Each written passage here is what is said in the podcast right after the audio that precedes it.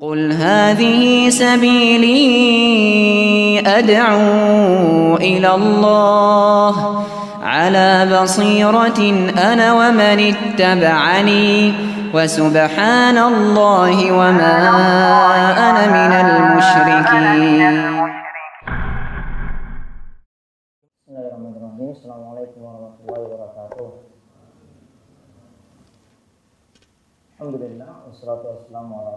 Rasulillah wa ala alihi wa man tabi'ahum bi ihsanin ila yaumil Allahumma inna nas'aluka ilman nafi'an wa rizqan thayyiban wa amalan mutaqabbala. Alhamdulillah kita saat ini kembali melanjutkan pembahasan sifat Salat Nabi SAW dari kitab karya Syekh Al-Albani Syekh Muhammad Nasiruddin Al-Albani rahimahullah pada kesempatan terakhir kita membahas tentang masalah mengangkat kedua tangan saat sholat lalu bersedekap dan bersedekap di dada. Uh, ada tambahan pembahasan dari apa yang disebutkan Syekh di sini yaitu kapan kita mengangkat tangan ketika kita itu berada di dalam sholat ketika bertakbir tadi Nah, tidak semua tempat nantinya kita itu mengangkat tangan.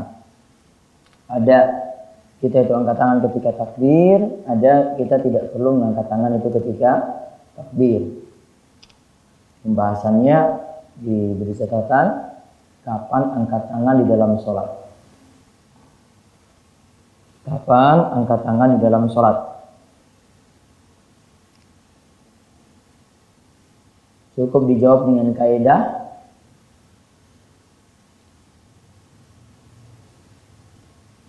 angkat tangan itu ada ketika bukan turun sujud. Ketika bukan turun sujud atau bukan bangkit dari sujud. Ketika bukan turun sujud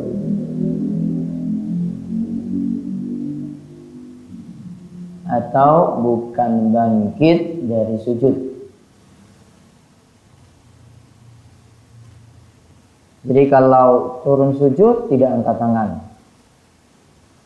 Ketika bangkit saking sujud juga tidak angkat tangan.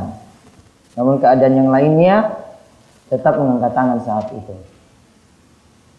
Berarti kesimpulannya kalau kita turun rokok angkat tangan atau tidak? Angkat tangan atau tidak? Angkat tangan. Allah Akbar lalu rukuk.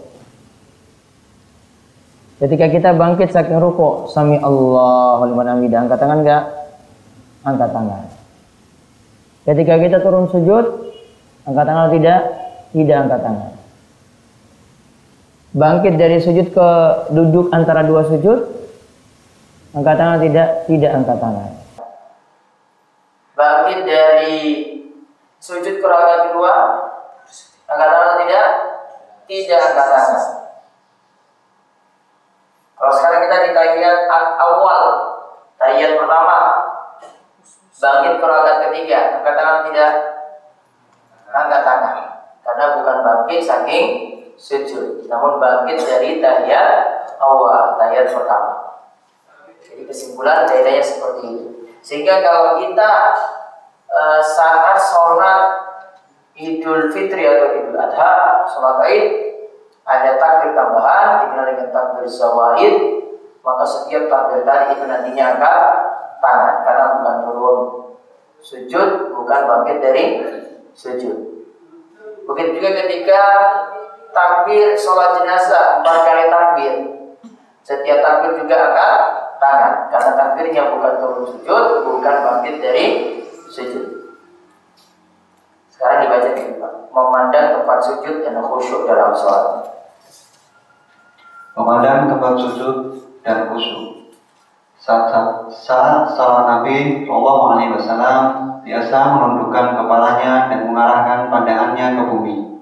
Dan tatkala beliau memasuki Ka'bah, pandangannya tetap ke arah tempat sujud sampai beliau dari keluar dari Ka'bah. Saat sholat Nabi SAW biasa beliau menundukkan kepalanya dan mengarahkan pandangannya ke bumi. Jadi pandang ke tempat sujudnya. Dan tatkala beliau masuki Ka'bah, pandangnya tetap ke arah tempat sujud sampai beliau keluar dari Ka'bah. Di sini menunjukkan bahwasanya sholat itu melihat ke tempat sujud. Dia bersabda, bersabda, dalam boleh ada sesuatu yang dapat mengganggu orang yang sedang salat. jadi dalam Ka'bah tidak boleh ada sesuatu yang dapat mengganggu orang yang sedang sholat. Terus, Beliau melarang seseorang salat menghadap ke langit.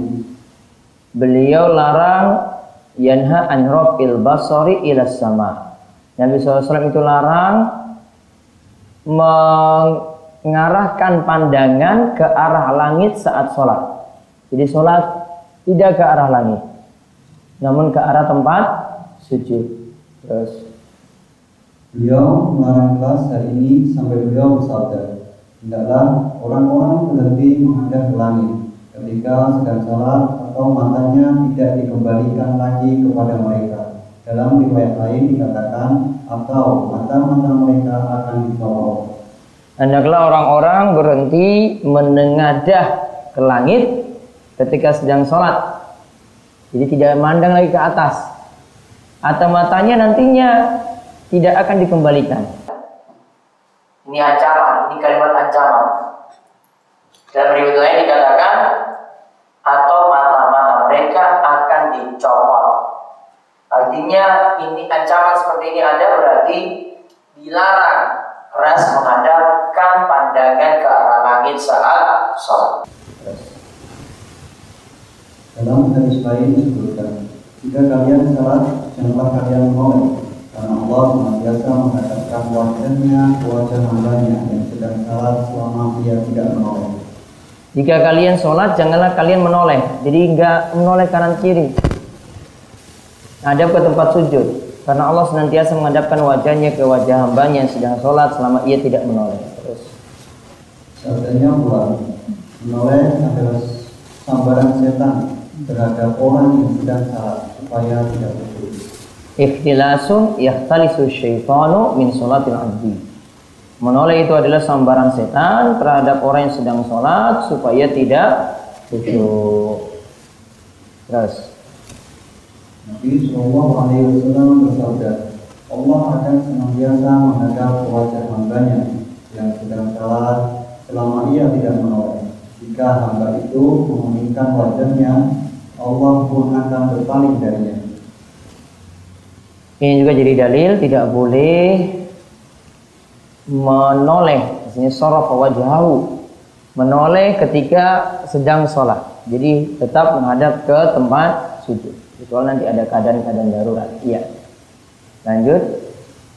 Rasulullah melarang tiga hal dalam sholat, yaitu sujud dengan cepat seperti ayam mematuk makanan, Sujud dengan cepat. Seperti ayam matuk makanan. Ayam matuk itu cepat. Tek, naik. Artinya tidak ada tumak nina. Terus. duduk seperti iknyanya anjing, Duduk seperti ikranya anjing. Anjing itu kalau duduk, tangannya, eh, kakinya yang di bawah itu dibuka lebar kanan kiri. Ya, dibuka lebar kanan kiri. Namun kalau ika yang masih boleh, dua tumit itu diduduki. Itu masih boleh. Namun kalau dibuka kanan kiri gini, tahu? Ya, di luar kanan kiri. Kalau kita dudukkan kaki kanan, kaki kita itu kan di dalam, kalau ini kakinya di luar. Nah, itu ditarik keluar. Nah, itu ikaannya anjing. Nggak boleh. Terus, dan menoleh seperti menolehnya musang. menoleh seperti menolehnya musang. Dan lihat di sini tiga hal ini, ini dikatakan dengan sifat-sifat hewan. Ayam matuk, terus ikannya anjing, terus menolehnya musang. Disifati berarti nggak boleh niru hewan. Untuk gerakan-gerakan seperti itu. Terus Beliau juga bersabda, salahlah seperti salah orang yang hendak meninggal, yaitu seolah-olah engkau melihat Allah. Jika engkau tidak dapat seolah-olah melihatnya, sesungguhnya dia selalu melihat. Nah ini jadi dalil hendaklah khusyuk dalam sholat. Sholli sholat muwaddain ka'annaka tarau fa in kunta la tarau innahu yara. Salatlah seperti sholat orang yang hendak meninggal. Jadi seolah-olah engkau melihat Allah. Jika engkau tidak dapat seolah-olah melihatnya, sesungguhnya Allah itu melihat.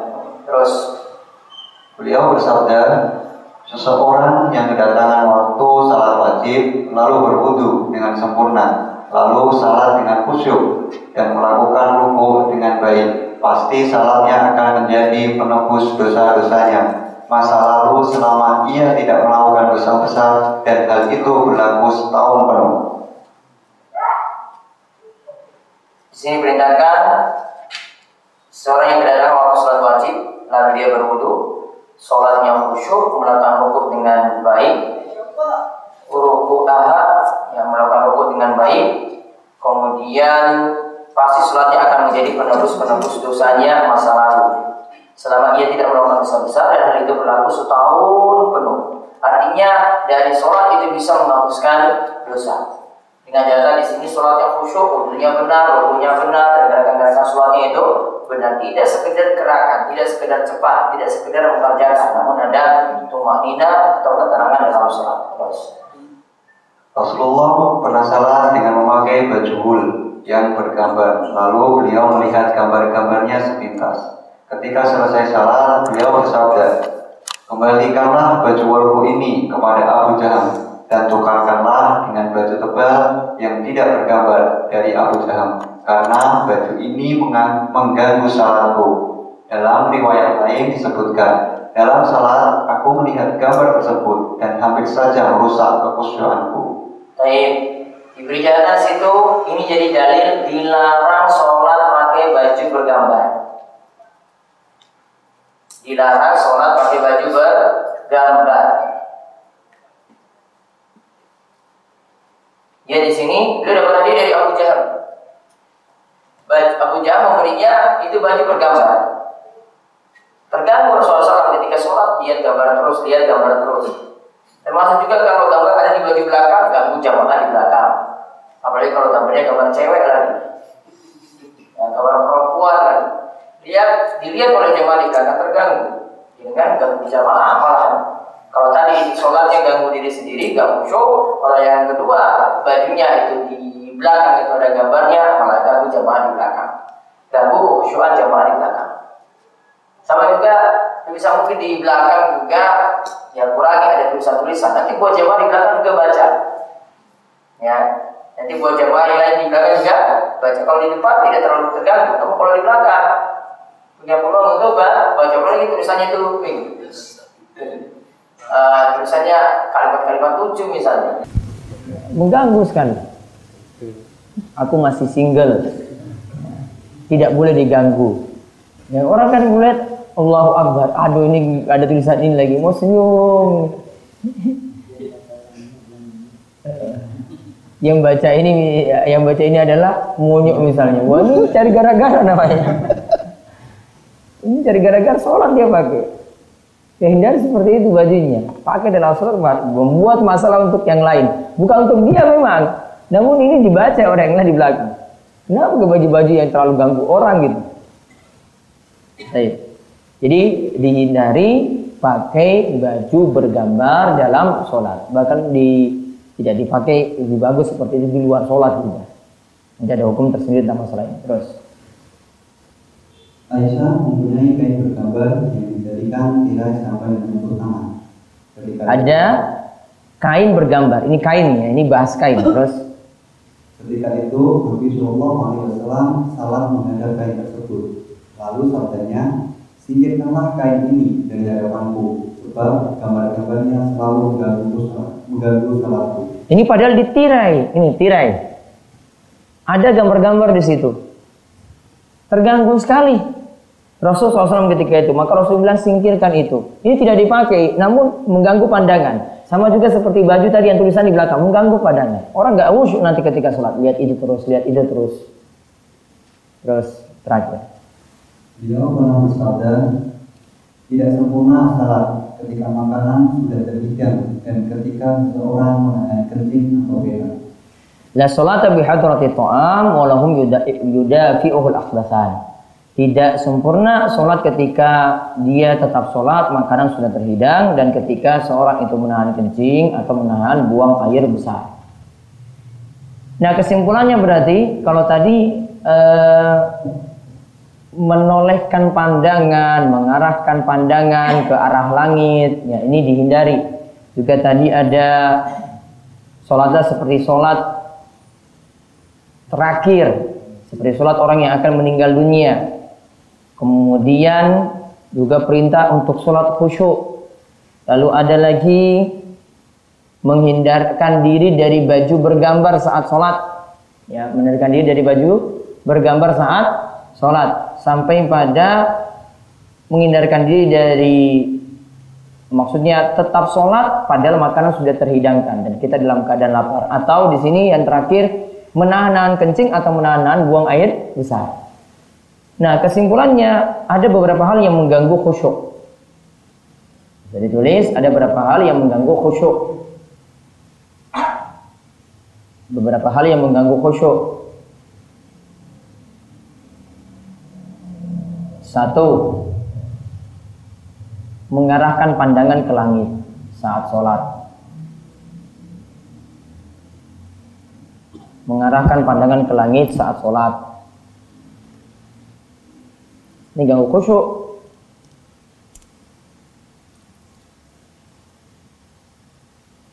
Dua, menoleh kanan kiri saat sholat.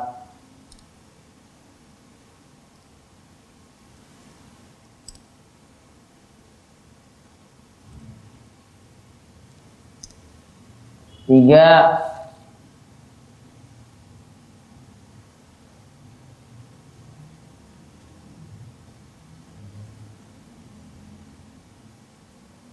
tiga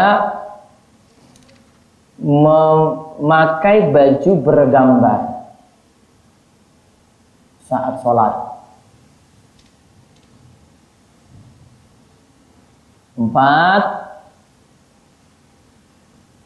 memasang tirai bergambar. Memasang tirai bergambar.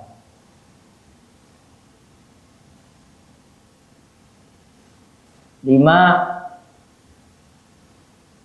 sholat dalam keadaan lapar, padahal sudah tersaji makanan.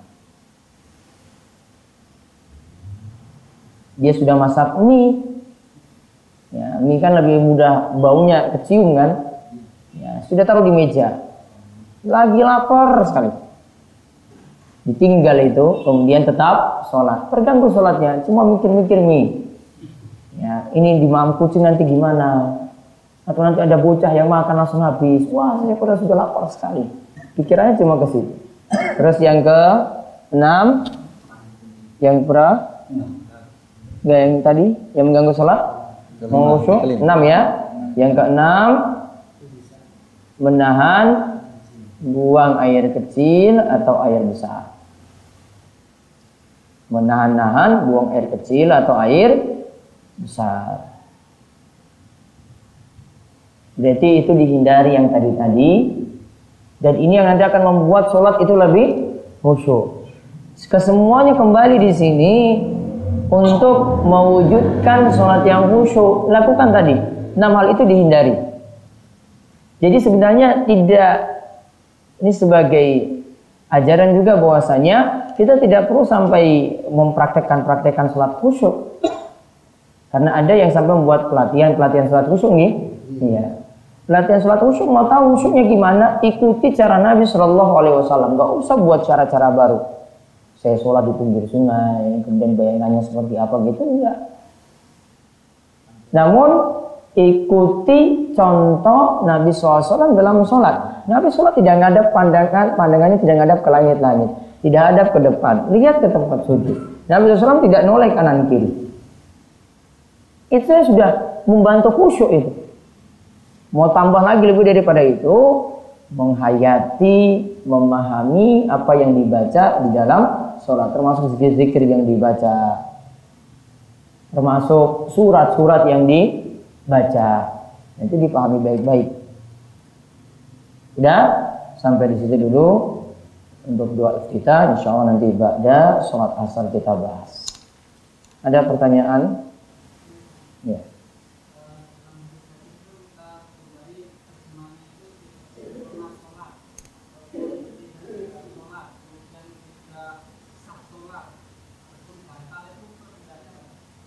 Perbedaannya ada. Kata tidak la solata itu bisa mengandung tiga kemungkinan. La solata itu bisa mengandung tiga kemungkinan. Satu, tidak sah. Maaf, ini yang kalau berkaitannya dengan sholat dua aja, dua saja. Tidak sah. Yang kedua tidak sempurna. Tidak sah, tidak sempurna. Kalau tidak sah, ya berarti tidak dinilai sholatnya. Kalau tidak sempurna, masih sah. Namun, kurang mendapatkan pahala yang sempurna. Nanti ada pembahasan kata tidak lagi untuk pembahasan yang lainnya. Yang artinya tidak ada. Tidak ada itu ada pembahasan lagi sendiri.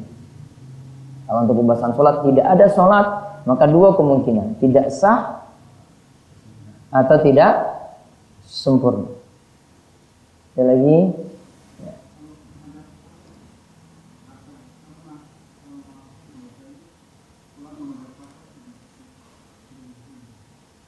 Allah Allah kalau dari khusus larangan sholat menghadap kaca kami belum tahu.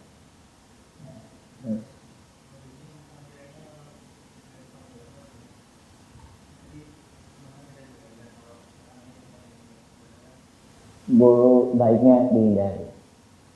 Kalau itu lukisan dan berwujud gambar makhluk bernyawa tidak dibolehkan. Gambar selain manusia hewan boleh. Ada lagi oke. Misalnya itu itu, itu kita uh, pandang kita fokus satu titik atau Ya pokoknya di tempat sujud saja. Enggak mesti harus cari titik yang mana ini. Itu orang titik. Wah, iki terus tak ini dia. Enggak, pokoknya ke tempat sujud.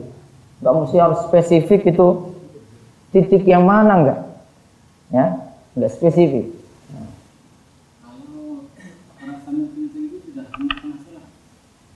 Dibat ya ada dua keadaan. Yang pertama, kalau sudah kebelet tipis banget, tahan-tahan malah masalah. Baiknya keluar, terus buang air kecil. Kalau sudah terasa ini sudah harus keluar. Ya, namun kalau masih bisa ditahan, ditahan tidak masalah. Sampai cuma hukum makruh. Lagi?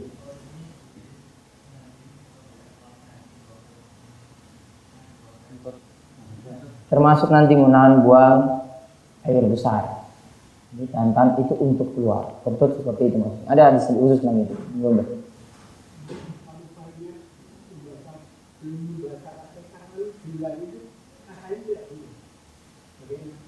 Iya itu was-was tidak boleh.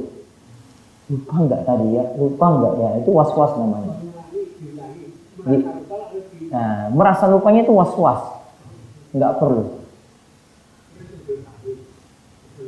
Enggak. Enggak. Jadi kan kalau sudah yakin baca ya sudah. Ya, enggak perlu sampai ada was-was itu was-was namanya. Was-was tidak perlu diikuti.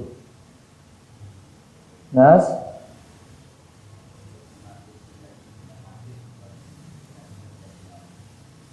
Nah, yang dimasukkan di sini gambar yang makhluk bernyawa. Kalau gambar masjid sebenarnya agak mengganggu juga. Ya, namun tidak seperti gambar makhluk bernyawa. Seperti itu. Ada lagi? Baik, sudah. Subhanallahumma bihamdika asyhadu an la ilaha illa anta astaghfiruka wa atubu ilaik. Assalamualaikum warahmatullahi wabarakatuh.